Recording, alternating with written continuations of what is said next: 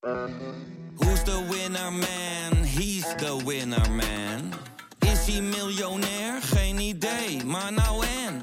Je hebt geen jackpot nodig to be a winner man. Oh oké, dat is wel lekker man. Van het enige varken in Afghanistan tot de spijbelpolitiek van Zweedse kinderen. De wereld, het boek dat wij samen met de Speld hebben gemaakt, is nu in de voorverkoop. Het is de meest betrouwbare landengids der landengidsen. Het beste boek dat je nooit mag gebruiken bij je eindexamen aardrijkskunde. Ga naar grotepodcastlas.nl slash boek, bestel hem en dan heb je hem eind juni in huis. Welkom bij de audioversie van de Atlas. Wij zijn drie geografen en in onze ogen is elk land de moeite waard. En hoe kunnen we zo'n land beter bespreken dan met gekke feitjes, mooie verhalen en kleine quizjes? Dit is de grote podcastlas.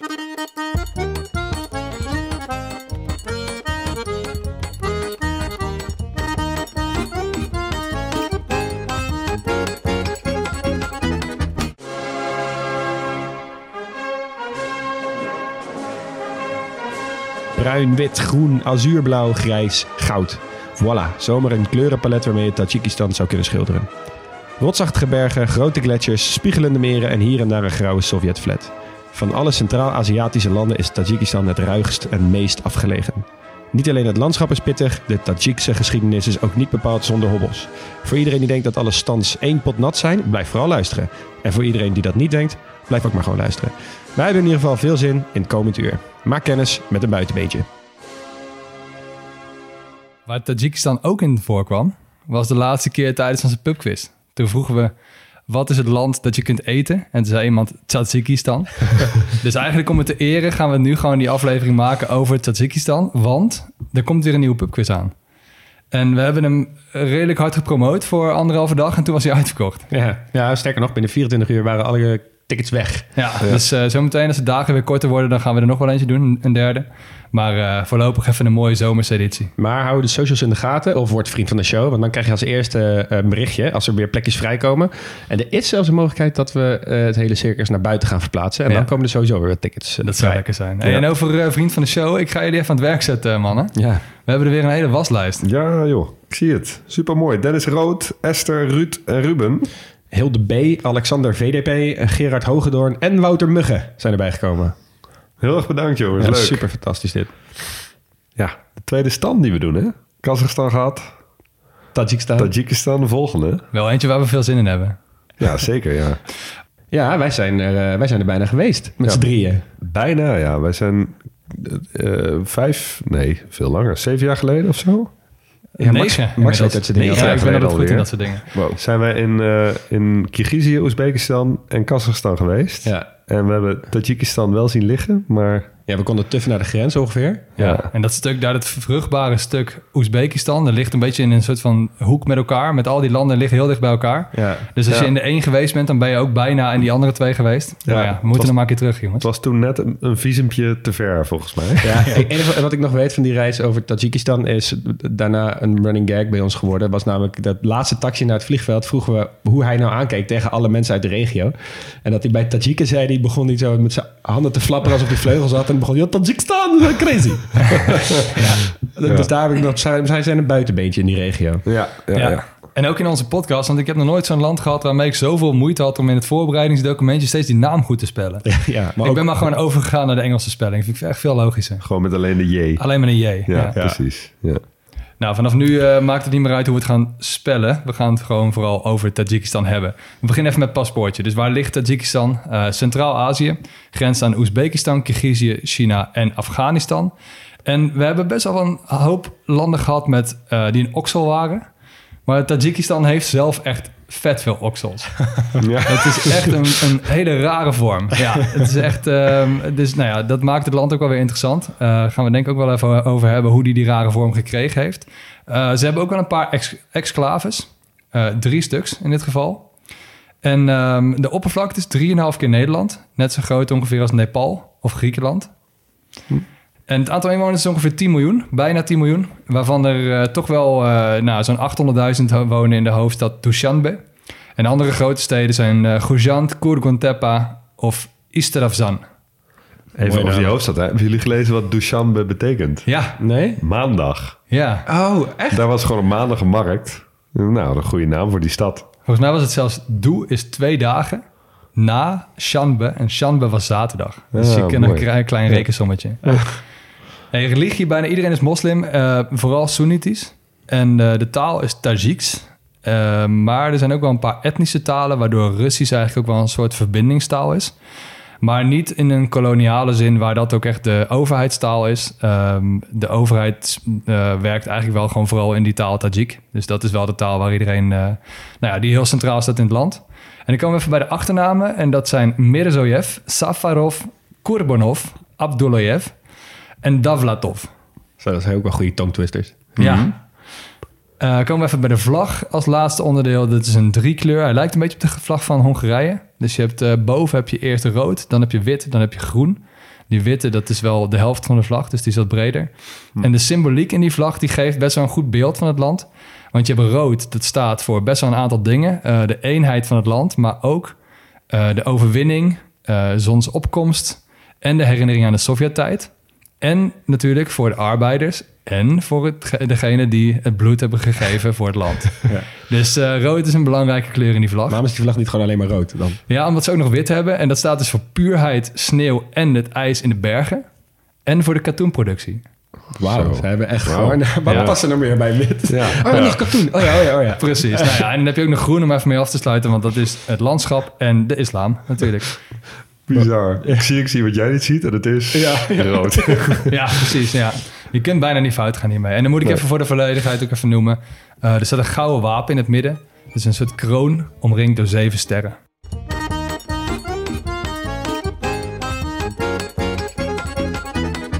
Oké, de Tajiks. Wat zijn dat voor mensen? In Tajikistan wonen dus vooral Tajiken. En ik heb vooral even zitten na te denken... eh, hoe moet je die Tajiken nou typeren? Dus hoe onderscheiden zij zich van andere volken van die stans? Want heel veel mensen denken natuurlijk, hè, introotje ook al even gehad, van het zijn een beetje één pot nat. Al die landen lijken een beetje op elkaar. En ze hebben ook wel wat gemeen. Eh, ze liggen natuurlijk allemaal in Centraal-Azië en ze zijn onderdeel geweest van de Sovjet-Unie. En het is een islamitisch volk. Dus best wel wat gemeenschappelijke dingen. Maar ook best wel wat verschillen. En ik wil er even twee dingen uitpikken. Ehm, we hebben in Senegal op jou uitgelegd, Dejan, eh, het verschil tussen nomadisch en sedentair. Ja. Veel volkeren in Centraal-Azië zijn nomadisch van aard. Kazachstan ook gezien. Ja. Maar dit is juist een heel sedentair volk. Dus eh, dit is eh, een groep mensen die al heel lang op dezelfde plek woont... en niet dus rondtrok met hun vee. Ehm, die mensen kwamen vanuit het oude Perzië. Dus die kwamen vanuit die hoek van de wereld... en dus niet vanaf bijvoorbeeld eh, West-China... zoals we dat in Kazachstan zagen. En dan komen we bij de taal, want ehm Oezbeeks en Kazachs en Turkmeens en Kirgiz bijvoorbeeld... zijn allemaal Turkische talen. En Tajik eh, is een Perzische taal. Ja. Dus dat is echt een groot verschil. Een gigantisch verschil. Ja, Ja. en ook voor, de, nou ja, voor, voor het gevoel dat er in zo'n land heerst... en Precies, voor de nationale, ja, nationale identiteit. Dus het is echt wel belangrijk. Ja. Eh, die taal die is dus in drie alfabetten opgeschreven geweest. Dus eerst in het Perzisch, toen een tijdje in het Latijn... en toen in het Cyrillisch. en dat ja. is nu nog steeds het belangrijkste. nou, ehm, anders dus dan de meeste Centraal-Aziatische volkeren. Eh, maar toch, door de eeuwen heen heb je toch wel gezien... dat er heel veel gemengde huwelijken zijn ontstaan. En zijn er geen genetische verschillen meer... tussen bijvoorbeeld een Oezbeek en een Tajik. Dus die kun je toch wel redelijk gelijk zien. Ook al spreken ze dus Ja. niet een verwante taal. Eh Tajikistan is een wettelijk seculiere staat. Dat is wel even belangrijk voor de, voor de cultuur die er heerst. Hoewel bijna iedereen moslim is. En de overheid erkent de islam wel als de meest dominante religie, maar heeft wel heel, ehm, sinds de on- onafhankelijkheid heel bewust een seculier beleid gevoerd, ehm, omdat ze heel veel zorg hebben om religieus extremisme. Ja. Dus voorbeelden, meisjes mogen bijvoorbeeld geen hijab op naar school, dus eh, geen, eh, geen hoofddoek. Ehm, vanaf 2013 is Tajikistan uniek in de wereld, omdat ze eh, mensen die jonger zijn dan 18 niet in het openbaar religie mochten bedrijven. Dus ze mochten niet naar eh, moskeeën. En als jij eh, jonger bent dan 35 bijvoorbeeld, dan mag je dus ook niet naar de Hajj in Mekka. Zo. Ja. Dat is wel Ehm, gaan streng, nog wel wat verder, eigenlijk. want de overheid heeft ook dus een lijst met onderwerpen waar imams over mogen prediken. En eh, mannen mogen geen lange baarden dragen. Ja, Oké. dit heb ik dus Ja. ook gelezen inderdaad. Want eh, als je dus naar het buitenland wil voor de Hajj of überhaupt... dan moet, moet je op de foto voor je paspoort. Maar ja, dan mag je geen baard hebben. Oh ja, Dus dan moet je alles afscheren. Ja. Ja, bizar. Fluittrucje. Ja. Ja, en ehm, nu eventjes, eh, de oplettende luisteraar denkt natuurlijk... hey, Iran, Perzië, ehm, zijn ze dan ook Shiïtisch? Nee, zeker niet. Ze zijn Soenitisch. Ja. Ehm, Dus dat hebben ze dan weer geme- gemeen met het Turkse volkeren in ja, precies, Ja. precies. Nou, hoe komt dat nou? Ehm, eigenlijk, in Perzië waren ze ooit ook Soenitisch. Daar begon het allemaal mee. En Iran, hè, wat we niet kennen als Iran, is later pas Shiïtisch geworden. Hmm. Dus nadat die mensen dus allemaal richting eh Tajikistan waren verhuisd. Dus zo moet je dat een beetje zien. En Ja. ja, ja verder, eh, die Tajiken is echt een trots volkje. Dus sinds, eh, sinds de implosie van de Sovjet-Unie is er heel veel aandacht voor het nationaal gevoel binnen het land. Dat eh, kwam ook tot uiting in hun president, eh Emomali Rahmon. Die is geboren als Rahmonov. En die heeft dus Ov uit zijn achternaam laten halen. en heel veel mensen die hebben gevolgd. Dus eh, dat is nu echt een, een golf door, die, die steeds meer door het land heen gaat. Ja, derussificatie van de namen. Juist. Ja. Grappig. Nou, er zit superveel geschiedenis in dat stukje. Je ligt al heel wat tipjes van de sluier. Ehm, we duiken even, even in het verleden van eh Tajikistan... om erachter te komen hoe dat nou precies zo is... dat die bevolking zo is gevormd zoals die is. Ehm, goed om ten eerste even te benoemen dat Tajikistan zoals we het nu kennen... eigenlijk pas 100 jaar min of meer de grenzen heeft die het nu heeft. Dus de geschiedenis van Tajikistan van voor die tijd... die gaat over Centraal-Azië als geheel voor een, voor een heel groot gedeelte. Ehm, en Centraal-Azië is door de geschiedenis heen onderdeel geweest van eh superveel grote rijken. Het eerste eh, rijk van buitenaf eigenlijk was het Perzische Rijk. En dan hebben we het over periode 550 voor Christus. Toen ehm, eh, bezaten die het gebied wat nu ongeveer Tajikistan is. En dat rijk dat duurde tot... Tot wie? Tot Alexander de Grote? Ja, Alexander de Grote. Zeker. Die, Scherp. ja, die, heeft scherp. heel, die heeft heel Persepolis afgebrand. Ja, maar die is dus zo ver oostwaarts getrokken. Ja. eh, nog oostelijker zelfs dan, dan Tajikistan. Ehm, eh, vanuit eh, Noord-Griekenland, Macedonië. Macedonië. Ja. Dus dus echt, echt een enorm rijk. Ehm, dus toen kwam dit gebied onder Griekse invloed te staan. Nou, nadat het, dat uiteenbrokkelde, kwam het weer onder Perzische invloed. eh, kortstondig onder Turkse invloed en zelfs Chinese invloed. En in de vroege middeleeuwen werd de regio een Arabisch kalifaat. Dan hebben we het over, over de 8e eeuw ongeveer na Christus. En dat is dus ook de tijd dat, dat de regio islamitisch werd. Soenitisch in eerste instantie. Ehm, nou, daarna kwam er weer een rijk dat werd gedomineerd door Iraanse volkeren. En dat is het Samanidische Rijk. En dat rijk wordt eigenlijk gezien als de oudste vorm van een Tajikse staat. Eh, dat was dus een, een rijk waarin Iraniërs de overhand hadden. Nou, eh Tajiken zijn eh, een Iraans, een Persisch volk. Ehm, dus ook nu wordt dat gewoon gezien als eigenlijk het, het, het, eh, het, het moederland wat Tajikistan ooit was. Hoe, hoe heette dat nog een keer? Het Samanidische Rijk. Het Samanidisch. gesticht door Ismaili Samani. Ja. En hij is bijvoorbeeld ook naamgever van de hoogste berg in het land. Eh, En van de munteenheid. Dus dat geeft wel aan dat eh, in dat, hè, die nation building van Tajikistan... waar ze nu de laatste 30 jaar heel erg mee bezig zijn... Ja. dat eh, deze figuur daar een grote rol in speelt. Beetje een kleine parallel met eh, Greater Albania, wat we, wat we zagen. Hoe bedoel je? Nou ja, dat eh, Greater Albania was natuurlijk ook... dat is veel groter geweest dan dat het nu is. En de meeste Albanese die zien dat ook nog een beetje als de grote staat die het vroeger ooit was. Ja, op die manier. Ja, ja, ja. Ik denk alleen dat de Tajiken, want dat Samanidische Rijk, dat omvatte veel meer dan het huidige Tajikistan. Ook gebieden die nu door Turkse volkeren worden gedomineerd. Ik geloof niet dat er echt een gevoel is van eh, dat is eigenlijk allemaal, hoort allemaal Tajikistan te zijn. Nee, precies. Maar het was wel een, een voorloper van een staat waarin in ieder geval Tajiken het voor het zeggen hadden. En dat was in merendeel van de geschiedenis wel anders. Ehm, bijvoorbeeld daarna, eh, want eh, eh, in de 13e eeuw kwam Genghis Khan aan de macht. kwam de regio onder het Mongoolse Rijk te vallen. Ehm, het grootste rijk ter wereld. Maar na de dood van Genghis viel dat ook weer uiteen in verschillende kanaten. Ehm, een Khan betekent eigenlijk gewoon een leider. Een Khan staat aan het hoofd van een kanaat. Dus een kanaat is eigenlijk gewoon een, een koninkrijk, een emiraat, een sultanaat, een kalifaat, hoe je het maar wil noemen. Ja, Het komt op hetzelfde neer. Nou, na eh, eh, dat het Mongoolse Rijk dus uit elkaar viel, kwam Timur, een Turk. Eh, die stichtte het Timuridische Rijk. Dus toen was het, was het gebied weer onder invloed van Turkse volkeren. maar die Timur Lenk, dat was toch een... hij, hij kwam toch uit Mongolië? Hij was toch een Mongool? Nee, dat, dat is het dus niet. Het is een, een Turk. Hij had wel Genghis Khan en Alexander de Grote als grote voorbeelden. Ja. Maar het was echt een, eh, echt een Turk. Ja, Oké. hij is vooral in Oezbekistan nu een nationale held. Oezbekistan is een Turkse staat. ehm, dus we zullen hem in de aflevering Oezbekistan nog wel, eh, Ja. Ja. nog wel bespreken. Ik weet nog wel dat wij daar waren en dat we alles ademden daar Timur Lenk. En dat was eigenlijk een naam die wij helemaal niet kenden voordat we die kant op gingen. Nee. Maar het is wel iemand die je daar echt op elke straathoek ziet. Ja, precies. En daarom dacht ik ook, oh ja, het is, hij is gewoon een afstammeling van Genghis Khan. Maar deze is gewoon niet. Nee, is het niet. Nee, nee, nee. Interessant. Ehm, nou, zijn rijk viel, viel vervolgens ook weer uit elkaar in kanaten. En eh, het grootste deel van het huidige Tajikistan viel toen onder het kanaat Bukhara. Ja. Eh, naar een stad die nu in Oezbekistan ligt. Ja. Maar Bukhara, dat was aanvankelijk ook een Tajikse stad. Net als Samarkand en Kokand. Ja.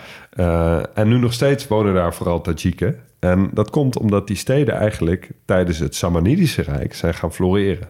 Dat werden grote centrum van, centra van economie en cultuur, lagen langs de historische zijderoute. Ja. Dus Ja. die zijn toen eigenlijk in opkomst gekomen.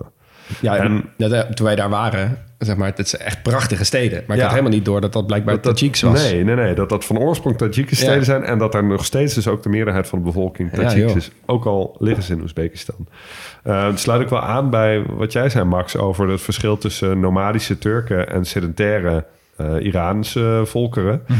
Eh, dat die Tajiken dus veel meer in de steden zaten. eh, terwijl de Turkse volkeren veel meer platteland bevolkten. Ja, precies. Ja. Oké. Dus dat Ja. verklaart dat. Maar goed, daarover ook meer in, eh, in de aflevering Oezbekistan.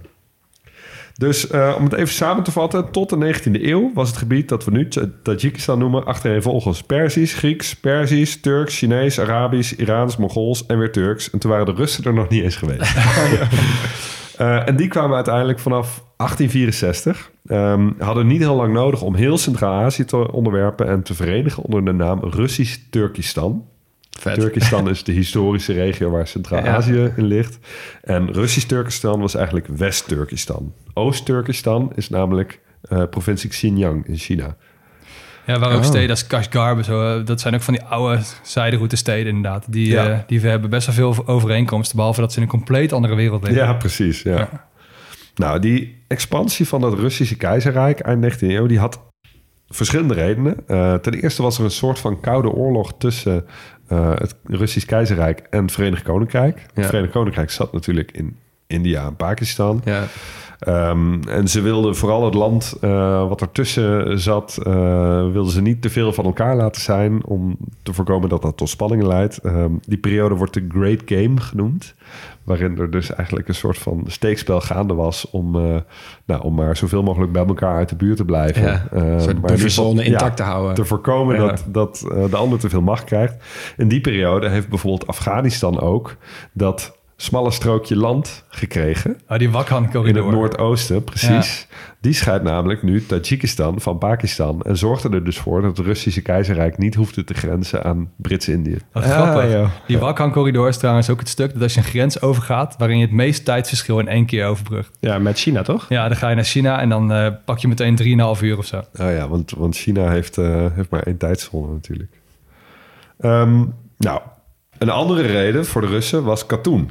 In Amerika woedde namelijk de burgeroorlog. En dat was eigenlijk de bron voor eh, katoen voor de Russische industrie. Nou, die, die droogde nogal op. Dus eh, trokken ze naar Centraal-Azië, waar katoen goed kon groeien. Dus dat was een tweede reden eigenlijk. Nou, onder de Russische overheersing bleef het eh, emiraat van Bukhara bestaan. Dat was een, was een kanaat, werd een emiraat. En dat werd een soort vazalstaat onder het Russische keizerrijk. Tot eigenlijk de Rus- Russische revolutie. Want toen heeft het Rode Leger eh, gekomen en die riepen... of die hebben dat emiraat omvergeworpen... en die riepen de Socialistische Sovjetrepubliek Bukhara uit. Oh. Oké. Dus die, Dat is ook nog een ding geweest. die stadstaat, als het ware, waaronder Ja. het grootste deel van eh, Tajikistan viel en een groot deel van eh, Oezbekistan, was een aanvankelijke Sovjetrepubliek. Nou, in 1924 werden de grenzen opnieuw getrokken. Ehm, en toen werd het huidige Tajikistan een autonome regio van de Sovjetrepubliek Oezbekistan. Dus je had Ah, eerst de Sovjetrepubliek. Oezbekistan en Tajikistan was daar een autonoom Ah. onderdeel van. Zoals bijvoorbeeld Abhazie eh. dat ook was in, in Georgië. Ja. Ehm, en pas in tw- 1929 werd Tajikistan zelf een Sovjetrepubliek. En kreeg het ongeveer de grenzen van het Tajikistan van nu. Dus dat is pas zo kort geleden. Weet je hoe die grenzen eh, zo zijn getrokken? Ja, daar kom ik zo over te spreken. Oké, vet, ja. Ehm, die grenzen die, die liggen in ieder geval dus wel zo dat er dat dus de overwegend Tajikse steden Boegara, Samarkand en Kokand dus in Oezbekistan zijn komen te liggen. Nou, ehm, ik ben een beetje gedoken in, eh, in al die staatkundige veranderingen in Centraal-Azië in de jaren 20 en 30. Ik heb namelijk altijd gedacht van ja, die binnengrens van de Sovjet-Unie, wat doen die er nou toe? Eh, dat, dat was niet zo belangrijk. Ehm, eh, ze zijn zacht, je kunt op en neer reizen. Ehm, eh, dus het maakt niet uit dat ze wat willekeurig lijken getrokken. Maar wat blijkt, de Sovjet-Unie heeft in de jaren 20 en 30 er juist heel veel aan gedaan... om te zorgen dat de grenzen zoveel mogelijk recht doen aan de verdeling van de etniciteiten. Oh. En vervolgens om ehm nation building te stimuleren in die deelrepublieken. Het was zelfs een uitgangspunt in de communistische theorie dat nationalisme een soort noodzakelijke stap is om te komen tot een succesvolle communistische samenleving. Oké. Dus ze hebben die grenzen een paar keer verlegd om zoveel mogelijk eh, eh, homogene Groepen, ja. staten te krijgen. En dus cultuur bij elkaar te stoppen en Ja, taal en ja. dat soort dingen. Oké. Maar wat ik dan weer niet zo goed snap, is waarom zijn uh, Boegara, Samarkand en Kokand dan geen Tajikse enclaves geworden? Ja. Ehm, bovendien eh, is voor mij, voor onbe- onverklaarbare redenen, is er een enclave van Oezbekistan in Kirgizië met een volledig Tajikse bevolking. Ja. Dus er zijn van die, van die gekke dingen. En bovendien hebben de Sovjets het proces van nationalisering sowieso wel een beetje verstoord. eh, door allemaal Russen naar Tajikistan te sturen om eh, hoge overheidsposities te, Ja, te precies, bekleden. ja. In 1959 was bijvoorbeeld 13% van de bevolking Rus. Dus dat waren, waren enorme. eh, Dat is gewoon één keer een tiende van je hele bevolking eh, is Rus. Ja, maar toen- je moet wel even veel je meer eigen... nog. Ja, precies. Ja. Ja. je, moet, je moet wel even je eigen nazistaat opbouwen hier. Ja, precies. Ja. Nou, uiteindelijk vormden de grenzen van de Socialistische Sovjet-Republiek Tajikistan dus wel de basis voor het huidige Tajikistan. Eh, en dat is dus eigenlijk ontstaan na het uiteenvallen van de Sovjet-Unie. Dat is een lekker bruggetje, want daar pak ik hem op. Eh, want nou, die ineenstorting van de Sovjet-Unie heeft natuurlijk voor alle landen in de regio heel veel bepaald. Eh, vrijwel allemaal met best wel wat impact. Zo dus ook in Tajikistan. Want eh, eigenlijk vrijwel meteen na het ineenstorten eh, ontvlamde er een burgeroorlog. eh, die, zoals op al veel landen zullen zien, een beetje was van de elite en de communistische partij versus de mensen wie daar eigenlijk woonden. Eh, in dit geval een coalitie. Een hele brede coalitie van islamist, islamisten en pro-westerse eh, groepen. Dus die, waren, die hadden zich verenigd in hè, the enemy of my enemy is my friend. Weet je dat idee? Samen strijden we tegen die communisten. Ehm, en die onrust eh, zorgde er eigenlijk voor dat de eerste ja, soort gekozen president, Rahmon Nabiev, eh, meteen moest aftreden. En werd vrijwel meteen vervangen door Emomali Rahmon. Dat is dus die Rahmonov. Voor de oplettende luisteraar, die is dus in 1992 al gekozen en zit er dus nog steeds. Dus Ja. hij is to- toen al de, voor, zeg je dat, de, de president of de voorzitter van de communistische groep. En die namen hebben steeds links en rechts wat veranderd. Ja, het is grappig, want bijna alle eh, Centraal-Aziatische landen hebben dus zo'n figuur. Ja. Die meteen na de onafhankelijkheid president zijn geworden. En zijn blijven zitten tot, nou ja, of nu, of tot ze dood zijn. Of zoals Nazarbayev, dat ze een stapje terug doen. Ja, precies. Ik wil het zeggen, Nazarbayev hebben we natuurlijk al behandeld. En dat zullen ze allemaal nog behandelen, ongetwijfeld. Ehm, maar er was dus nog een andere eh, eh, verschrikkelijke component in deze hele mix. Dat was namelijk, wat gebeurde er na het uiteenvallen van de Sovjet-Unie? Er kwam heel veel wapens op de markt. En heel Oh, veel ja. mensen die, die eh, niet alles konden kopen of geld op was, maar in één keer een paar Ja. hele rijke types. Ja. Dus wat gebeurde er is die, die, die oud-communistische partijlui, zeg maar, die leiders van, eh, van, eh, van die Sovjet-subrepubliek, die kochten al die wapens op en die gaven ze aan hun volgers om te vechten tegen die coalitie. Nou, die coalitie kon niks anders dan ook maar wapens halen. Waar hadden zij die wapens? Bij hun buurlanden. Afghanistan. Nou, ja, precies. En Ja. daar zaten namelijk al die mujahideen eh, met heel veel wapens die ze hadden gekregen van Amerika op hun beurt. Maar ja. Ja. eh, die hadden ze gebruikt tegen de Russen. Dus voor hen was er ook geen gevecht meer gaande. Dus die hebben allemaal strijders en wapens naar Tajikistan gestuurd. Daardoor kwamen dus wel heel veel wapens dat land in. En er zijn dus ook nog allemaal theorieën dat, zij, eh, dat die coalitie ook nog, of die oppositie ook nog gesponsord werd door een land als Iran. Die natuurlijk heel graag wilde zien dat het land islamitisch zou worden. Eh, maar hè, hun, invloedssfeer wordt, werd daardoor vergroot. Ja. Eh, maar goed, het was een hele bloedige burgeroorlog, helemaal voor die tijd en eh, die eh, periode. En wat er eigenlijk gebeurde is dat er dus heel veel oppositie, of heel veel mensen van die, van die gekke oppositiegroep werden gewoon vermoord. En als ze dan in hun dorpen kwamen, werden al die dorpen platgebrand. En in het dunner bevolkte gedeelte van Oost Tajikistan, waar alle bergen zitten, komen denk ik zo wel op. Daar hebben ze uiteindelijk één voor één steeds meer dorpjes echt helemaal afgebrand. Waardoor daar heel veel mensen zijn komen te overlijden. Uiteindelijk ergens, maar omdat daar dus helemaal geen media was. Sterker nog, er werd heel erg getarget op journalisten. Er zijn uiteindelijk meer dan 40 journalisten gedood. En dat aantal is aan het einde van de burgeroorlog is dat een beetje teruggelopen. Maar dat was niet omdat de, eh, hoe zeg je dat? Alle journalisten waren vermoord. Nee, dat was omdat alle journalisten gewoon keihard het land waren ontvlucht. ja. maar daardoor Mm. is er dus heel weinig bekend over die oorlog.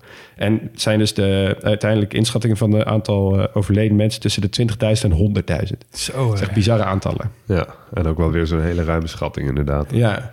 ja, en als je dan ook kijkt naar, zeg maar, je hebt toch bij Wikipedia heb je wel eens, als je dan on- onderzoek doet naar een specifieke oorlog of een specifieke eh, slag, dan krijg je Mhm. altijd toch zo links deze namen deden tegenover deze namen. Dat Ja. je zo'n overzichtje Mhm. krijgt. Met cijfers naast. Ja, precies. Die overzichtjes die was dus inderdaad ook zeg maar, aan de linkerkant. Aan de ene kant had je dus sowieso die Emomali Rahmon. Maar dus ook Karimov van Oezbekistan. Yeltsin van de Russen. eh, Nazarbayev van Mhm. Kazachstan. En die Akayev van eh, Kirgizië. Die stonden allemaal aan één kant. En aan de andere kant had je namen als Said Abdullah Nouri. Mohammed Sharif Himatzadeh. Ibn al-Khattab en Shadman Yusuf. Dus het is heel makkelijk te raden Ja. waar deze strijd Ja, ging, zeg maar. Nou goed, eh fast forward naar 1997. Toen hebben ze een eh, vredesakkoord getekend bij Boris Yeltsin. Dus hij heeft ook daadwerkelijk nog iets aan de internationale politiek eh, bijgedragen. Behalve die lachsalvo-bui bij eh, Bij Clinton. Clinton, ja. Ehm, en wat uiteindelijk uh, uiteen werd goed was van alles en nog wat. Maar een van de belangrijkste dingen was dat ze zeiden dat er een quotum was van 30% van de regeringsposten ging naar, de, eh, naar die Verenigde Islamitische Partij. Nou, daar kon iedereen blijkbaar mee leven.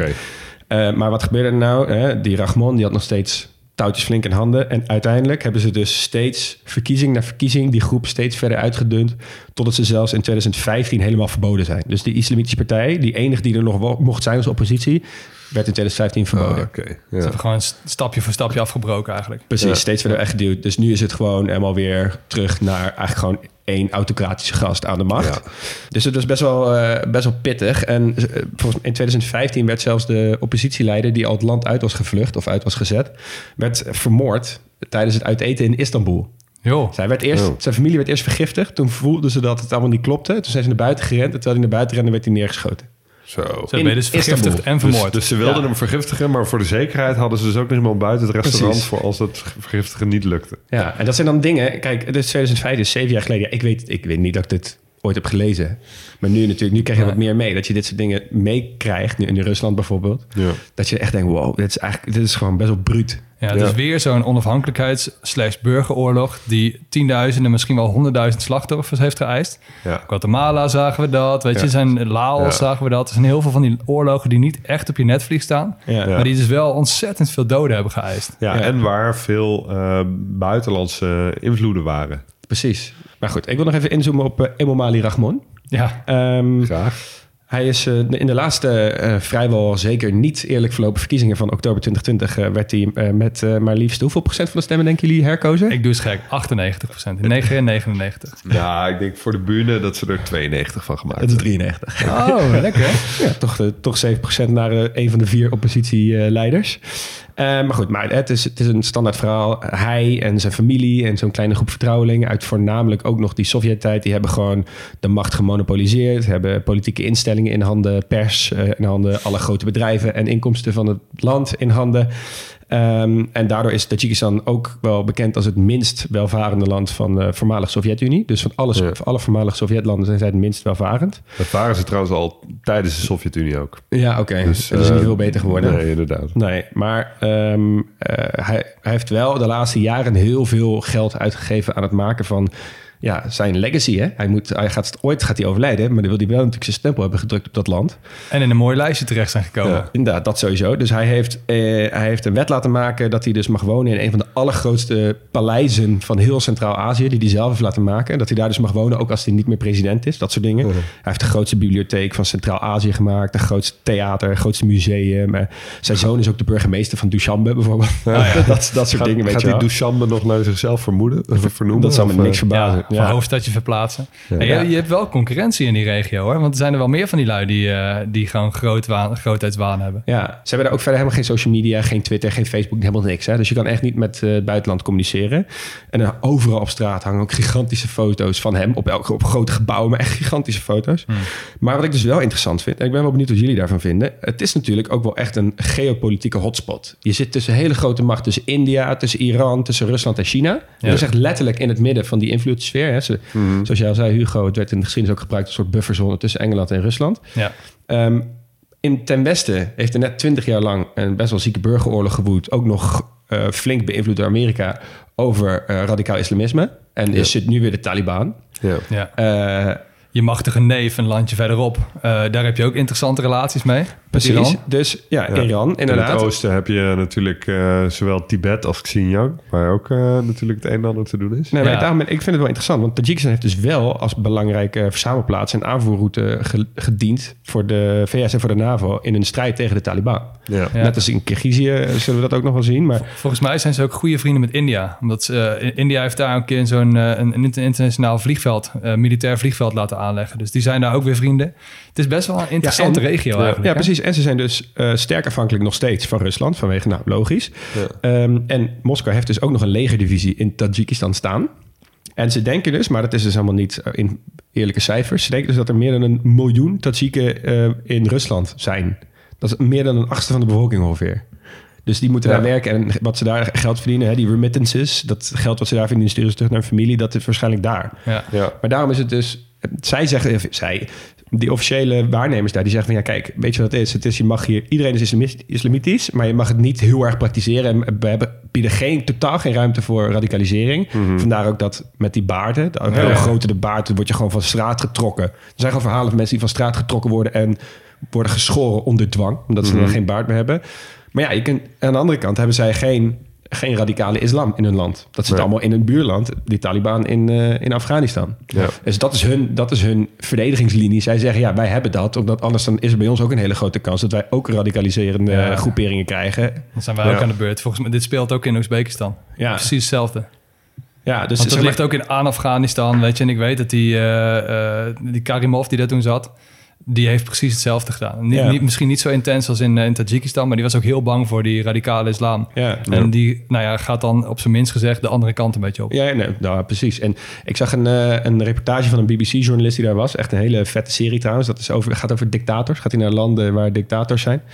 Eh, hij, eh, hij zei dus ook, hij interviewde daar ook met lui en die zeiden dit ook. Die zeiden ook van, ja, maar luister, ik heb dan misschien dit en dit niet. Maar ja, bij ons is in ieder geval geen bomaanslagen en worden Ja. niet de mensen op straat onthoofd en dat soort dingen. Ja. Ja. Ja, goed. Nou, ik eh, ben blij dat ik niet tussen deze twee vuren hoef te kiezen. Laat ik het zo Nee, stellen. zeker niet. Nee.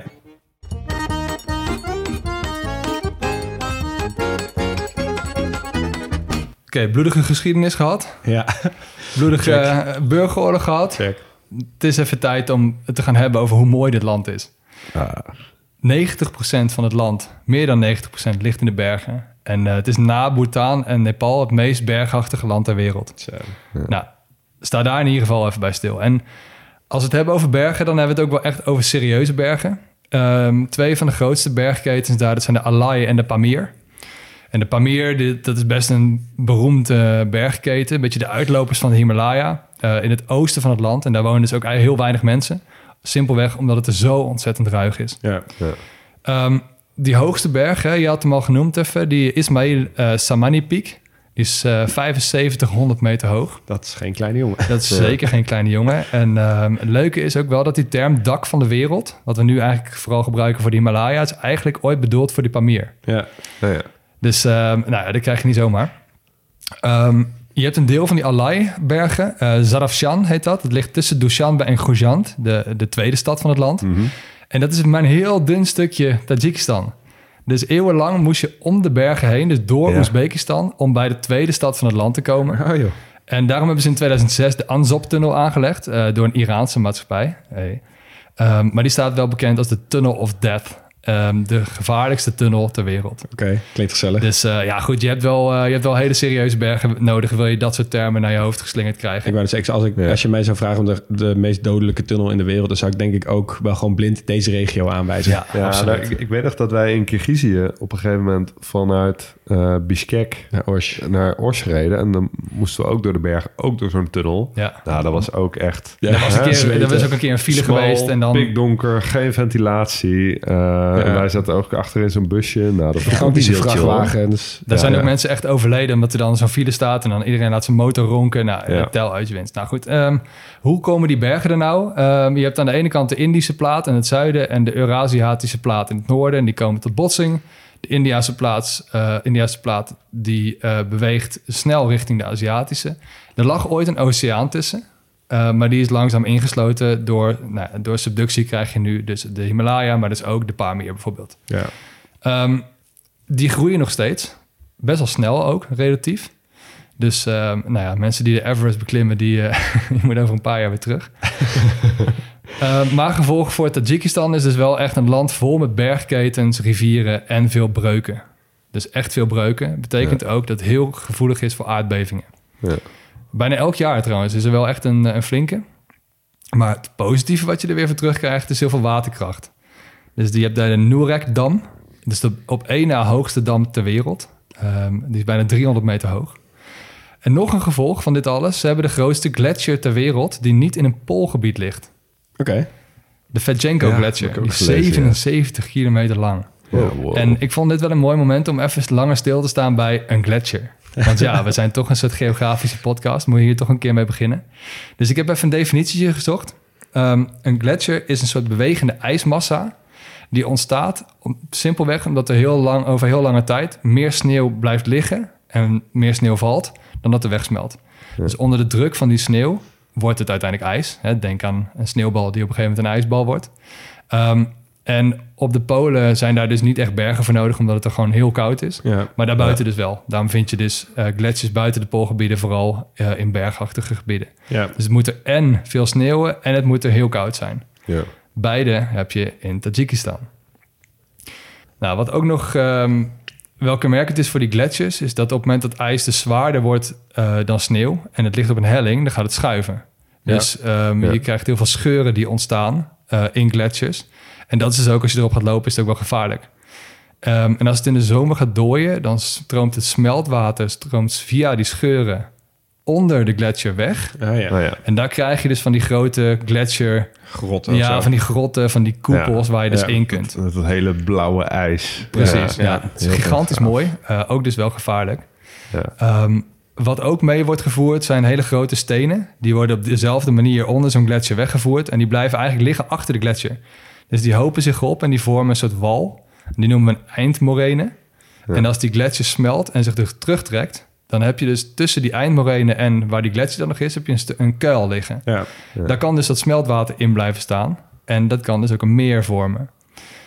Eh, aan het eind van de ijstijd heeft dit zich veel voorgedaan. En veel meren die dus aan de rand van een gebergte liggen, zijn dus zo ontstaan. Dus denk aan steden als Genève en Zurich bijvoorbeeld. Ja. Ja. Dat zijn steden die, op die, oh, steden die op die manier zijn ontstaan. Ja, precies. Ja. Je kunt nu nog vaak, eh, want er zijn natuurlijk heel veel plekken waar eh, dalen gevormd zijn door een gletsjer, maar waar nu al lang geen gletsjer meer in ligt. Nee, Die kun je nog goed herkennen omdat ze een U-vorm hebben. Eh, de meeste dalen hebben een V-vorm, omdat ze door een rivier zijn uitgesleten. De rivier die stroomt op het laagste punt, punt, heel ja. snel en die erodeert daar dus eh, het dal uit. Ja. Maar een gletsjer is natuurlijk veel breder, die, dus die erodeert aan meerdere kanten, dus in een Ah, U-vorm. Ja. het is hele wijdse dalen krijg Ja. je dan. Ja. Ja. Nou, in het geval van die Tajikse uh, Fedjenko gletsjer is, dat, ehm, is het dus niet het geval eh, dat hij echt eindigt in een heel groot meer. Sterker nog, hij eindigt in een paar kleine riviertjes die uiteindelijk uitmonden in grotere rivieren die eh, heel veel verder op het Aralmeer voeden. Ah, oké.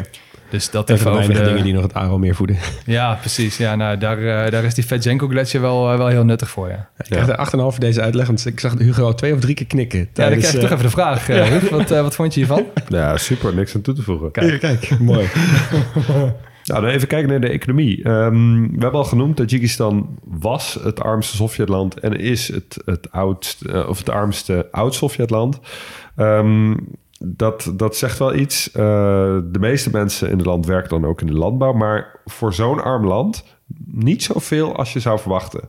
Er zijn arme landen waar, waar 80, 90 procent van de bevolking in de landbouw werkt. Hier is dat ongeveer 60 procent. Nou, dat heeft natuurlijk ook te maken met fysische beperkingen. Want ehm, eh, het is ja, super, super... eh, Vrij lastig mais bouwen op een eh, piek van 7000 meter. ja, precies. Het ligt gemiddeld gewoon heel hoog. En dus Ja. is, het, is het koud, zeker in de winter, en niet zo hele geschikte landbouwgrond. Ehm, het zegt ook wel iets dat het een van de minst beboste landen ter wereld is. Ondanks het feit dat het tamelijk eh, dun bevolkt is. Ja, dus, wij hebben niet zoveel bos, maar dat heeft hele andere redenen dan in Tajikistan. Wij liggen Nee, niet klopt. boven de boomgrens. Nee. Klopt, klopt, klopt. Maar de, de- ja, het klimaat leent zich daar gewoon heel slecht voor. Nou, en als gevolg daarvan moeten ze 70% van het voedsel importeren. Wow. Dat is echt gigantisch. Ja. Ehm, nou, wat, wat produceren ze vooral eh, in eigen land? Nou, we hebben het over katoen gehad natuurlijk, maar ook aluminium. Het is een Oh. hele grote aluminiumproducent. En ehm, die de grootste aluminiumfabriek van Centraal-Azië staat hier, dat is Talco. En die wordt persoonlijk geleid door president. ja, natuurlijk. En de winsten die vloeien naar een brievenbusfirma op de Maagdeneilanden... die Hey. ge- gelieerd is aan de president. Emomali Rahmon dus. Ehm, overigens heeft Tajikistan zelf helemaal geen aluminiumerts. Dus dat wordt allemaal geïmporteerd. Meen je niet? Ja. Hè? En dan, maken zij, dan verwerken zij het in de fabrieken. Ja, en het is me dus ook helemaal, niet helemaal duidelijk waarom de Sovjet-Unie ooit heeft bedacht om nou precies in Tajikistan zo'n grote alu- aluminiumfabriek te bouwen. Want eh, er was geen erts, maar ook een landlocked land niet per se het handigste om je aluminium naar overal en nergens te verschepen. Ik had het eerder verwacht in Kazachstan of zo. Ja. Ja, misschien dat het te maken heeft met vervuiling. Want eh, eh, die aluminiumfabriek is echt heel vervuilend. Er komt heel veel fluor in het milieu terecht. En dat is tamelijk eh, desastreus voor van alles. Ehm, momenteel draait die fabriek dan ook op halve kracht. Want ja, er is gewoon niet zo heel veel aanbod aan erts en niet zoveel afzetmarkt. Nou, een ander eh, belangrijk onderdeel van de economie, eh Leel, je hebt het ook al even aangestipt, zijn stortingen uit het buitenland. Er wonen dus, nou, er schat ik ongeveer een miljoen Tajiken in Rusland, met name, ehm, die daar werken en geld overmaken naar thuisland. In 2014 was Tajikistan zelfs het land met de eh, meeste stortingen van alle landen ter wereld als percentage van het eh, BNP. Dus ongeveer een derde van het BNP werd opgebracht door mensen die buiten Tajikistan werkten en geld overmaakten naar het thuisland. En dat was nergens dus meer dan dat. Dat lijkt me echt geen fijn, land, eh, geen fijn Lijstje. lijstje om bovenaan te staan hoor. Nee, nou, wij hebben het best wel vaak over de landen. En heel- altijd denk ik, oké, dit moet wel een land zijn met zoveel van die remittances. En er is geen Ja. goed Nederlands woord voor, toch? Niet echt. Nee, in Nederland worden remittances ook wel gewoon gebruikt als, als term. Oké, ja, nou goed. Maar je hebt heel van die remittances en denk je altijd, oké, dit land moet vast wel hoog staan het lijstje. Maar het staat er bijna nooit in. Dus Tajikistan, Tajikistan staat dus heel hoog. Nu niet meer bovenaan, maar in 2014 dus wel. Ehm, eh, het, wat wel een beetje een probleem is, is dat de Russische roebel de afgelopen tien jaar natuurlijk gigantisch is gekelderd. En dat is slecht nieuws, want eh, in 2014 bijvoorbeeld zorgde dat ervoor dat die remit- remittances, eh, als je het omrekent naar dollar, in één jaar met 65% daalden. Terwijl er echt niet minder Tajiken in Rusland gingen. werken, maar, ah, pijnlijk. ja, dus dat is heel vervelend voor, voor je economie. Ehm, tegen wil en dank moeten we het bij de Tajikse economie ook even hebben over opium. Want Oh, in het ja. buurland Afghanistan wordt ongeveer 90% van, eh, van de eh papaver geteeld die gebruikt wordt voor heroïne. En een groot deel van de smokkel vindt plaats via Tajikistan. Via Tajikistan komt het terecht in Rusland en eh, de westerse wereld. Ja, Tajikistan is super on- onherbergzaam, dun bevolkt. Dus smokkelroutes zijn er eeuwen oud en Ja. worden goed gevonden. Ehm, nou, we hebben het al even gehad over, eh, over de waterkrachtcentrales in Tajikistan. De ene hoogste ter wereld dus. De, de eh Noorek-dam van eh, ruim 300 meter hoog, die staat er. En ja, ze benutten het potentieel voor waterkracht echt ten volste. Want het is een van de landen die bijna volledig draait op, op waterkracht. Alle elektriciteit daar vandaan haalt. Die kan ook in het lijstje. Ja. Ja, Ze hebben al best wel vaak gezien hè. Ja, klopt. We hebben ja, al Wel bij een tijdje Paraguay geleden. stond al heel hoog. Ja, Ja, maar uh, Lesotho hadden we volgens mij en Ja. eh, Costa Rica. Costa Rica. Ja. Ja. Nou ja, Er is nu trouwens een dam in China die dus de hoogste dam ter wereld is. Maar ze zijn nu in Tajikistan bezig aan de Rogun-dam. En die moet die titel weer terugpakken. Die wordt 335 meter hoog. Yo. En dan, dan. Keerzijde is wel dat de overheid zich best wel in de schulden moet steken om die dammen te, te kunnen bouwen. Eh, er zijn veel eh, schulden bij China, maar ook bij Europa. Die nieuwe Rokendam is bijvoorbeeld eh, bekostigd met een eurobond. Oh, Ah. oké. Ja. Oké. Maar de laatste jaren is ehm, eh, de economie wel, eh, wel in groei. Dat was na de eh, uiteenvallen van de Sovjet-Unie, zoals je wel in, in veel postcommunistische landen zat, aanvankelijk echt een enorme dip. Maar sindsdien eh, kruipen ze wel uit het dal. Het heeft een eh, tamelijk hoge procentuele groei van de, van de economie. Dus dat is positief. Ernstig? Ja, want wa- die groei die gaan ze in ieder geval niet trekken uit het toerisme. Want ze hebben in 2018 hadden ze 1 miljoen toeristen. Daarom staan ze op de 96e plaats van alle, alle landen. Nou, dat vind ik toch nog best wel wat eigenlijk. Ja. Dat is wat Senegal ook had. Ja, en dat zitten volgens mij ook rond, die, rond dat aantal. Ja. Ah. Ja, nou, oké. Ja, ik, ik dacht eh, met een land met zoveel pracht en praal, dan Ja. eh, verwacht je misschien wel Ja, wat meer. Maar, dat is zo. maar laten we eens even kijken wat ze hebben. Eh, we Staat beginnen bij even mij met... eh, in ieder geval zeker niet op de 96e plek van landen waar ik naartoe wil. Bij mij zeker ook Doe niet, maar nee. top tientje. Nou, we beginnen even bij eh Dushanbe. Want hè, natuurlijk door eh Rahmon is het- dat natuurlijk helemaal volgebouwd met extravaganza. Eh, dus ze hebben echt eh, een mega grote nationale bibliotheek. En dat is best een vet, vet gebouw. En het ziet eruit als een soort open boek. En het is de trotse plaats voor heel veel Tajiken. Omdat zij heel erg sterk zitten in hun literaire erfgoed. Heel veel eh, dichters en, eh, en bekende namen, zeg maar. Dat zijn allemaal, eh, de- zoals we wel vaker zien bij Perzische landen. Die zijn heel erg gericht op poëzie en op dichtkunst en dat Ja. soort dingen. Dat zullen we bij Iran denk ik ook nog wel eh, eh, behandelen. Eh die, grootste bibliotheek dus van Centraal-Azië. Eh, ze hebben ook nog de, de, ja, de Ru- Rudaki, Rudaki. Dat is dus die, eh, die eh, poëet waar ze heel veel hebben. Dan hebben ze heel mooie tombe, heel mooi park. Nou, heel veel dingen naar hem vernoemd. Ze hebben ook de, de Pashanbe Bazaar. Dit is dus weer zo'n ding, want Pashanbe is donderdag. Ah. Dus het is vernoemd naar de donderdag, maar het is de donderdag bazaar. En het is echt een best wel ongewoon elegante, speciaal gebouwde hal. Met hele mooie toegangsportalen en echt een vet, vet gekke neoclassieke gevel en zo. Eh, en ze zeggen zelf dat het de grootste, of de Lonely Planet zegt dat het de grootste bazaar is van eh, Centraal-Azië. En ehm, eh, ja, je moet maar eens even een plaatje daarvan opzoeken, want het ziet er echt best wel vet uit. Heel professioneel lijkt wel. Echt een soort, ja, gewoon een markthal van 50 jaar geleden of zo in Amsterdam. Daar lijkt het echt op. Heel Tof. vet. Ik ben sowieso wel groot fan van markthallen. Dan is deze niet anders. Nou, precies, dat ook. Nou, ze hebben dus ook de, de, de Palace of Nations, de Kasri Milad. Dat is het huis van de president. En daarvoor staat het, nu komt het, nu gaan we het over hebben, namelijk de vlaggenmast. Ja, hè. Ik wil echt mijn, tong weer, of mijn, mijn mond weer open toen ik dit aan het onderzoeken was. Want er staat daar een vlaggenmast van 165 meter hoog. Dat was de hoogste mast tot, eh, of bij voltooiing in 2011. Ehm, maar nu staat die in Saudi-Arabië.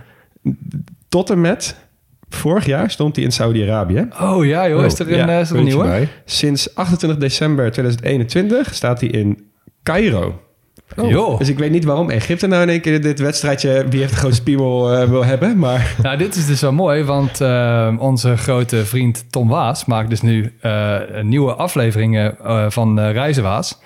Vijf wereldsteden en daar staat Cairo dus ook in. En laten ze dus even die nieuwe hoofdstad zien die ze in Cairo aan het bouwen zijn. Oh ja. En ook daar staat dus die vlag. Ja, oh, dus ja, ik had ja, het kunnen weten, maar dat is echt dat is vet. Ja, ja, Tom Waas nog steeds het meest beoogd vriend van de show, denk ik, tot nu toe. Dus Ben, of ken jij Tom Waas? Neem even contact op. Eh, maar wat daar aan die eh, mast hangt, is even, even zo eh, ambitieus en ook echt bizar. Die vlag is namelijk 30 bij 60 meter en die weegt 700 kilo. Maat. Holy. Ja, Dat is enorm. ja dat is huge. Maar hoe hard moet het dan ook waaien? Wil die een beetje... Dat zat ik ook te denken. Niet Ja, omlaag hangen. Nee, ja, precies. Dat dacht ik dus ook. Maar elke keer als je een filmpje daarvan opzoekt, ja, of ze doen het erop, maar dan wappert die heel, ja, heel langzaam, maar heel mooi, zeg Ja, maar maar. misschien hebben ze blowers in die vlaggenmast. Het zal me niks verbazen. Ja, als ik dan toch dat ding zou bouwen, dan zou ik dat ook wel Ja. doen. Maar ik ben er dus een beetje in gaan onderzoeken. En dit is één ehm, bedrijf uit Texas die al deze vlaggenmasten maakt over heel de wereld. Die, dat is die guy. Oké. Hoe verscheep je dat? Ja, ik heb heel veel, heel veel Peter. Boelis vragen, denk ik. Peter Boelis dat. Ehm, maar goed, die, eh, dat hele vlaggenmastproject was natuurlijk super duur. En eh, dat was een, een, eh, maakte deel uit van een 210 miljoen dollar viering van het feit dat ze 20 jaar waren. Dat was toen de tijd 10% van hun BBP. Eh, dus dat, ook dat je dan denkt, ja, volgens mij had je dit geld veel beter kunnen, kunnen spenderen. Zo. Maar het is nu natuurlijk wel een van de, van de grootste trekpleisters van die stad. Ja, letterlijk dus- en figuurlijk. Dus die eh, miljoen mensen die gaan in ieder geval daar kijken. Ja, Ja. ja. Een andere grote trekpleister is de M41. En dan heb ik het over Pamir Pamir Highway. Highway. de Pamir Highway. Ja, in het Russisch heet die Pamirski Trakt. Ja, die moet je toch even noemen. Nog vetter. Ja. Maar dat is dus de weg eigenlijk van Dushanbe naar Osh. En dan helemaal door eh, dat Pamirgebergte. Osh, eh, ja. ja. ja. En ehm, het is de één na hoogste internationale weg ter wereld. Na de Karakoram Highway. Eh, en die- hij ligt op 4655 meter hoog. Op en het is dus, oh ja, en het is dus een, ehm, eh, een hele oude weg eigenlijk. Want het is ook een onderdeel geweest van die oude zijderoute waar we het eerder Ja. over hebben gehad. Een van die vertakkingen. Ehm, en je kan, eh, hij loopt eigenlijk door heel, ja, hij doorkruist Tajikistan eigenlijk van west naar het beetje het zuidoosten. En dan één keer tak zo naar het noorden naar Osh. Ja. Maar daardoor komt hij dus eigenlijk allemaal ook door Afghanistan en ook door Oezbekistan. Eh, eh, en, en is het ja, nog steeds een best wel veel gebruikte weg. Ook gewoon voor vervoer. Maar ja, toeristen die gaan er altijd heen met de fiets. Of ze gaan zelfs liftend. Eh, je kan natuurlijk ook gewoon zelf met de auto gaan. Ik heb zelfs één verslag gelezen van iemand die ging met een ezel. Oh, Oh. zelf weten. Ja. nou ja, als die kapot gaat, kunnen ze hem wel maken, denk ik. ja, dan. dat denk ik ook wel, ja. Nee, maar volgens mij is ook de grens tussen Afghanistan en, of en, eh, Tajikistan is ook een weggetje eh, naast een riviertje. En dat is ook deel van die weg. ja, ja. Dus je komt gewoon, je kunt een steentje gooien naar Afghanistan. Ja, als je die precies. Ja, het, is, het is inderdaad een heel stuk weg. En het is ook, die hele weg in totaal is 1500 kilometer. Dus ja, je moet er wel even de tijd voor nemen. Hmm. Eh, maar en heb ik even wat tips opgezocht voor de mensen die misschien die kant op willen. Want als je dit luistert, dan, ja, dan wil je sowieso een keer die, eh, die Pamir Highway doen. Ehm, je kan het in beide richtingen doen. Het is best wel spectaculair. Ehm, en, maar de stukken zeg maar, op die grens, dat jij net zei met Afghanistan, die zijn het meest beroemd. Dat zijn zeg maar echt die waar je die foto's van ziet. Dat is daar. Eh, je moet eigenlijk nooit meer dan 400 meter hoger slapen dan de nacht ervoor. Dus reken dat even uit. Het zijn allemaal van die handige routes. Oh ja, anders krijg je koppijn van hoogteziekte. en Ja, zo. precies. En als je, dat is eigenlijk pas als je vanaf 3000 meter ongeveer zo hoog bent, zeg maar. Daarvoor kan het allemaal wel. Ehm, en eh, als je even fietst, en als je fietst, zorg er even voor dat je dus van Dushanbe naar Osh rijdt. Want dan kan je het laatste stuk lekker naar beneden en heb je de meeste wind mee. Oh, oké. Maar Slim. het is dus geen gegeven. dus het is niet zo als je dan denkt, oh, yes, heb ik alleen maar wit mee. Nee, nee, nee, nee zo werkt het niet. Oh, Garantie wat een tip voordeel. lijkt me dit. Ja, Fantastisch. en stuur even foto's als je er toch bent. Ja. Er zijn mooie Nederlandse boeken over trouwens. Ja, ook van fietsers ook. Die, Ja. die bedoel ik, ja, Ja. Dat zijn echt waanzinnige boeken. Ja, Centraal-Azië is wel een beetje echt het, het, eh, het hoogste doel van veel wereldfietsers, merk ja. ik. Ja, Ja. ja. Omdat Met- het onbekende landen zijn die onherbergzaam zijn, maar waar Super je wel gastvrije kan fietsen. En een hele gastvrije bevolking om te overnachten, et cetera. Ja, ja inderdaad.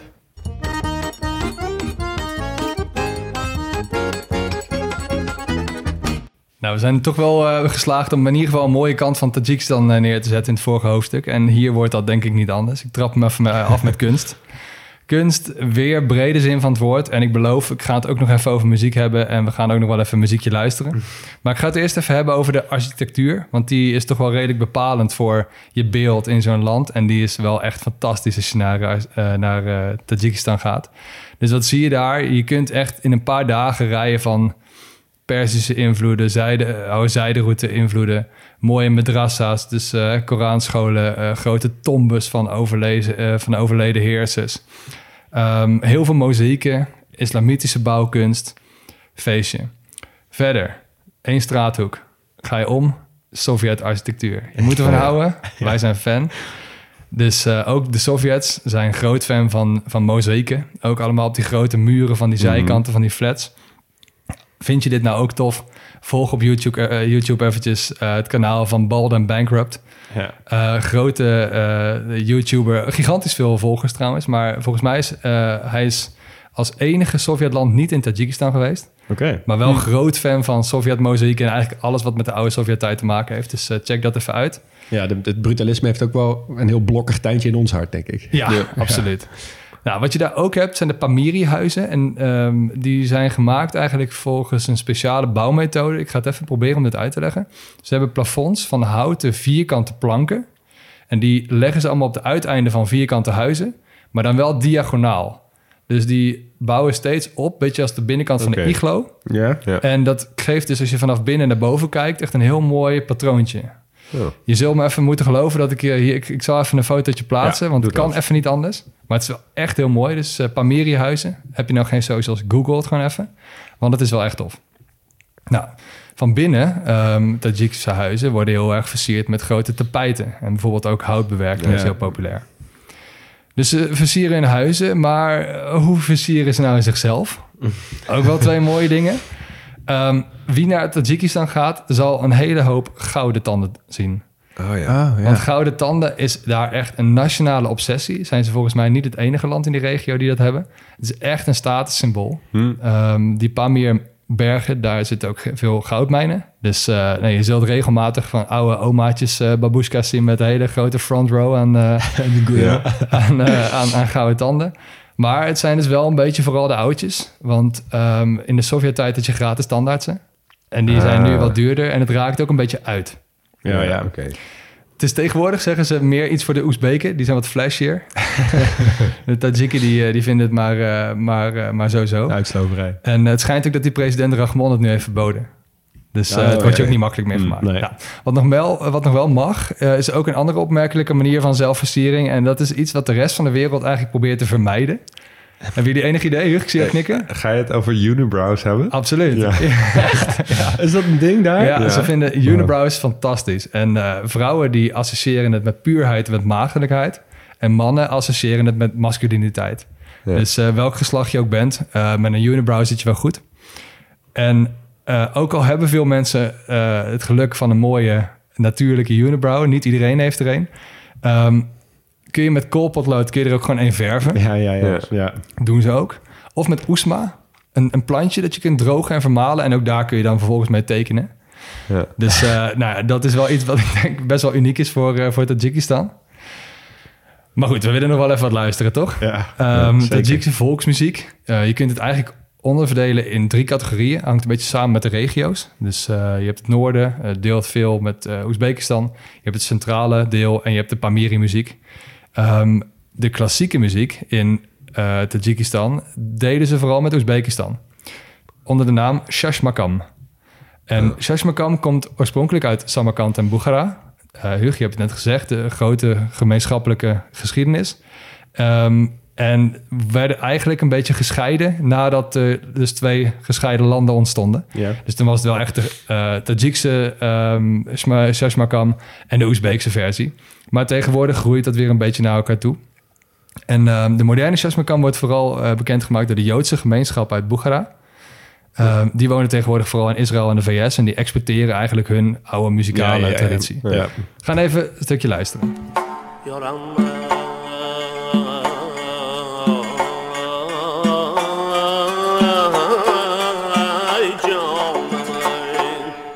Dat is wel een beetje wat ik ervan verwacht, ja. Ja, hè? wat vind je ervan, eh, Leon? Nee, ik zou het niet snel aanzetten tijdens Nee. mijn rondje hardlopen. Maar ik zou wel blij zijn als ik hier in de tanden of in de taxi eh, dit zou horen. Ja, het zou bijdragen aan de Dat sfeer. past daar. Het zou me ook niks verbazen als je dit met een goede beat eronder... dat het over vijf jaar op de grote festivals in Nederland wordt gedraaid. Mm, Ja, ik geef het je te doen. Maar eh, waar wel een mooie beat onder staat, is de moderne muziek. Dus de- ja, goed, ik dacht al dat jullie dit soort reacties zouden hebben. Dus ook daar gaan we even naar luisteren, naar eh, de moderne versie. We eh, luisteren even naar de groot, een van de grootste heldinnen van tegenwoordig, Madina Aknazarova. Zarova.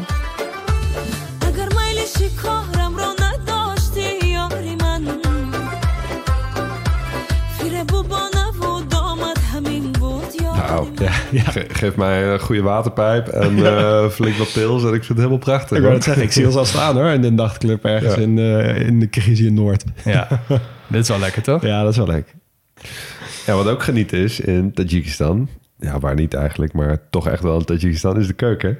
Is het wel genieten? Ja, het is wel genieten. Ik kan me is wel voorstellen, ja. Ja, nee, je, hebt, je hebt natuurlijk weer super veel invloeden van, van overal en nergens. Ja, ja. Ehm, om maar even met slecht nieuws te beginnen. Tzatziki komt dus niet uit Ta- Tajikistan.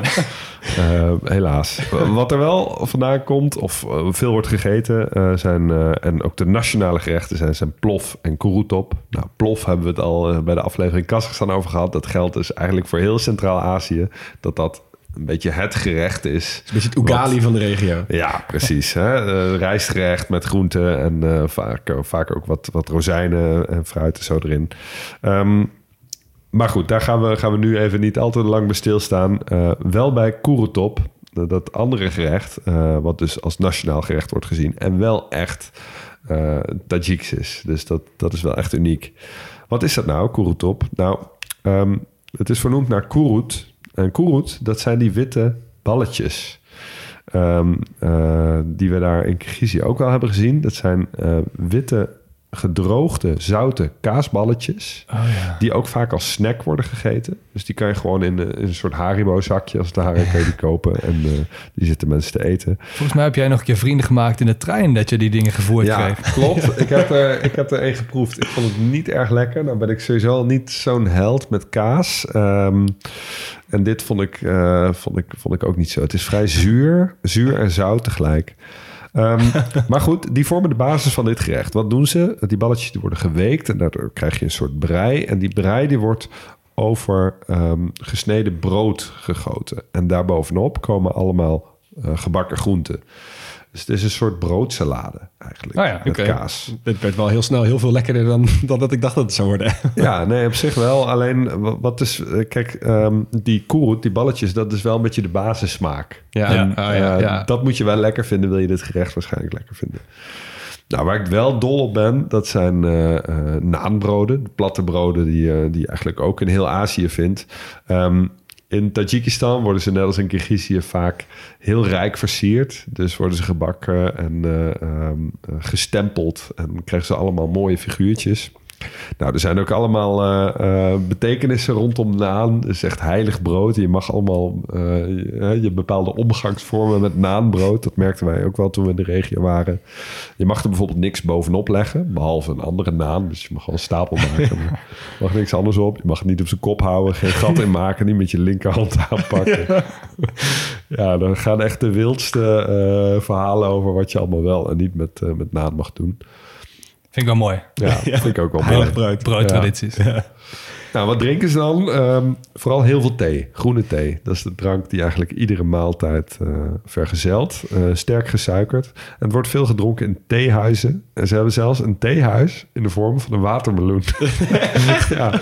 ja, Leon, ik dacht dat jij wel zou stelen. Want je had het over, over mooie gebouwen en bibliotheken in de vorm van een boek. Je was Maar blij er is dat een, noemde. Er is dus een theehuis in de vorm van een watermeloen. 43 meter hoog. Er passen 2000 mensen in. en dit is weer een enorm prestigeproject van, van die president. Is dit ook in Dushanbe? Eh, weet ik eigenlijk niet. Wow, of ik dit wil in hier echt Dushanbe heen. ligt. Ja. nou ja, ehm, zoals gezegd is de, is de landbouwsector vrij klein. Maar meloenen eh, groeien er dus wel volop.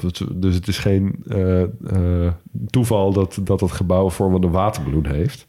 Ehm, eh, verder zijn bijvoorbeeld ook Tajikse druiven beroemd. Dus, eh, dus dat is wel wat er groeit aan fruit. Eh, ook veel appels en abrikozen.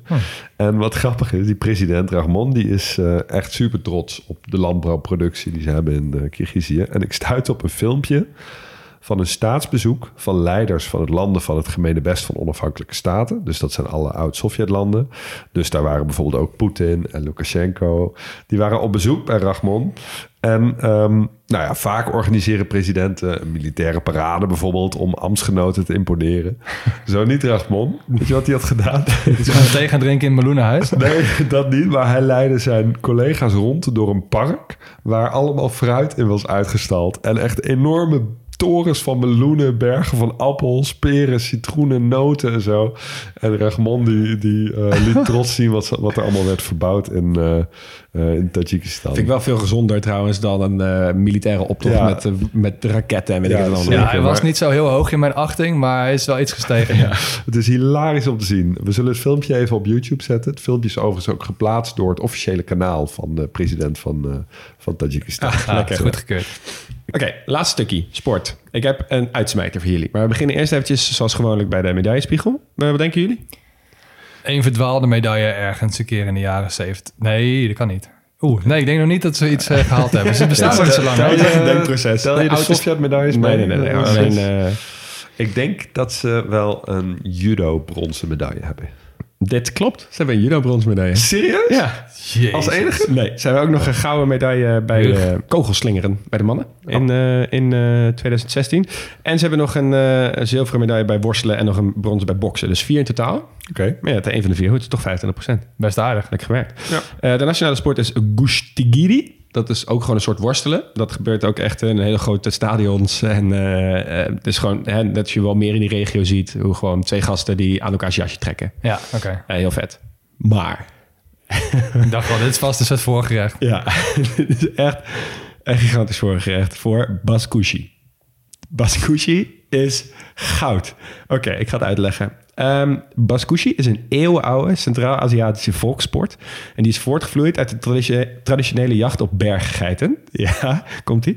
En was dus, vroeger werd er dus heel veel... ehm, bij andere stammen werden er dus geiten gestolen... van andere, ja, andere, andere troepen of ergens anders die ergens anders woonden. Ja. En dat hebben ze dus nu tot een sport eh, verheven. En het wordt ook met name ook dus door mensen in Afghanistan gespeeld. Nou, dan weet je al in wat voor hoek je zit. Wat er gebeurt, je hebt twee teams.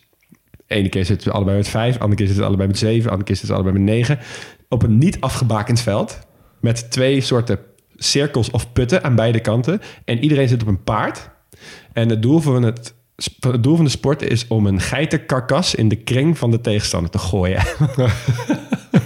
Dus het is een soort polo. Het is een soort polo zonder stokken en met geitenkarkas, zonder hoofd. Ja, maar dat geitenkarkas is er al wel. Dus je hoeft niet ook nog op jacht naar geit. Nee, er is, dat, ja, dus je hebt twee teams, een geitenkarkas en dan moet je dus gooien in de ring van de tegenstander. Eh, maar je hebt alleen jezelf en je paard. Dus ik heb filmpjes zitten kijken. Het gaat hard, vriend. Het gaat keihard. Ja. Dus gewoon lui die gewoon met een paard volle kracht op een ander paard inrennen. En, en, en zo'n guy die dan aan de zijkant van zijn paard hangt om dat karkas op te vangen van de grond. En dat tegelijkertijd wordt geschept door een paard van de tegenstander.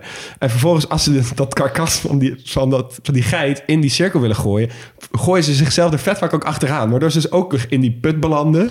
Het is echt insane. Wow, dus echt, als je een hele andere kant van de wereld en de andere kant van de geschiedenis en de andere kant van de economie opgaat, dan krijg je dus Segway Polo in Barbados. Dit is de Centraal-Aziatische versie. Ja, ik ga, even, ik ga aan jullie even een filmpje laten zien. Okay, let's pick up this goat. Oh shit. Now we're just trampling a goat. Seems kind of fucked up. But here we go. Oh, did I mention the goat's headless? They cut the goat's head and feet off. Not sure how that makes the gameplay any different, but they do it. Bam! One point for that team. Ik ben zo blij dat we deze podcast begonnen zijn ineens. Dat je dit ik was hier nooit bij uitgekomen. Ik denk dat ik... ja, dit is gewoon een van de vetste sporten die ik ooit gezien heb. Het slaat ik, ik, ik weet niet voor wie ik het zieliger vind. Voor de dode geit of voor de, de nog levende mensen. Die, Ja, of de eh, paarden, wat dacht je nee. daarvan? en de paarden, ja. Zelden zo'n extreme sport gezien als dit. Maar dit is wel de... Hoe heet dit ook weer? Bushkashi. Bushkashi. Ga dit checken. Ja. Ja. Neem Instagram als je het nog niet hebt. Daar kun je het vinden van ons. ja, inderdaad.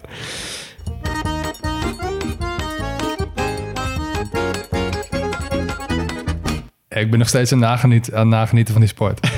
maar goed, jongens. We, ja, we zijn er doorheen. Ehm, wat maakt dit land uniek? Ja, ik denk toch wel die, eh, die geopolitieke positie. Zeg maar, tussen die gigantische wereldmachten. Ja. Zeg maar, dat, is, dat was vroeger al heel belangrijk. Maar als je ziet wat er in de afgelopen 20 jaar in die regio is gebeurd... is het ook heel belangrijk. Dus dat zullen ze in de toekomst ook nog wel zijn, denk ja, ik. ja. maar kom op, die geit. Ja. Ja, ik weet wat jij voor je verjaardag krijgt. zo. Ik, ja, ik zit nog steeds te stuiteren. Maar ook die, eh, die Rachmon. Dat is ook wel een figuur, hoor.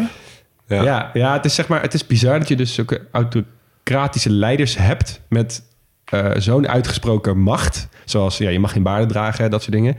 En tegelijkertijd allemaal prima wordt getolereerd door het Westen... of door andere landen in de regio die dat allemaal Ja, best vinden. ja. Mag gewoon ongestraft meloenen huizen maken en zo. Ja, precies. Ja, en ik heb eigenlijk ook gewoon spijt dat wij, eh, toen wij in Centraal-Azië waren, uitgerekend niet naar Tajikistan zijn Ja. gegaan. Ja. Want eh, die vraag, wat maakt dit land uniek, is voor Tajikistan echt wel makkelijker te beantwoorden dan voor die andere stands. Want eh, dit is, dit is eh, de enige Iraans-Persische eh, Ja, staat eigenlijk in dat, eh, dat geheel van oud-Sovjetlanden. Ja, En dat, dat geeft natuurlijk wel een hele eigen identiteit weer. precies. Ja. Ja. ik zou zo graag... En dan moet ik je misschien even gaan nadenken over die volgende vraag. Maar als ik meer dan één dag zou hebben in dit land... zo graag die paar meer highway rijden. Ja, ik ook. Ja. Ja. Sterker nog, als ik maar één dag zou hebben in het land, zou ik waarschijnlijk die ene dag besteden aan gewoon dan maar een stukje van die Pamir Highway. Ja, precies. ja. Ik zou denk ik toch wel gewoon gaan toeren in Dushanbe. Ja? Ja, ik ga wel even kijken wat die, eh, wat die, die eh, bewijsdrang van die Rachmon toe heeft geleid, zeg maar. Tot dat een bizarre... eh, Je gaat aan die vlaggenmast hangen en een boekje lezen in de bibliotheek en een kopje thee in de watermeloen exact. drinken. Ja, ik denk in die volgorde. Lekker. Nou, heel mooi. Ehm, ja, daarmee zijn we ook de tijd heen helaas. Eh, heel erg bedankt voor het luisteren weer naar dit hoofdstuk van de grote podcast Las. Ehm, wij zijn Leon Boenis, Max Gerritsen, Hugo Noordman. En de eindmontage wordt gedaan door Jonas van Impen. En ja, we zijn nooit volledig, maar wel origineel. Hopelijk geen experts en wel liefhebbers. Hebben we iets verkeerd gezegd of zijn we iets cruciaals vergeten? Volg ons dan even en laat het weten via Twitter of Instagram op @grotepodcastlas. Of via vriendvandeshow.nl slash de grote podcastlas. Of mail naar grotepodcastlas.gmail.com. Kan allemaal. Ja, we, zijn, eh, we hebben tegenwoordig meer dan duizend volgers op Instagram. Yes. Hey, hey, Een dat is leuk. Ja, dat is leuk. Vet cool. En volgende week reizen we weer door. En dat doen we dan naar Madagaskar. Gaier. Yo,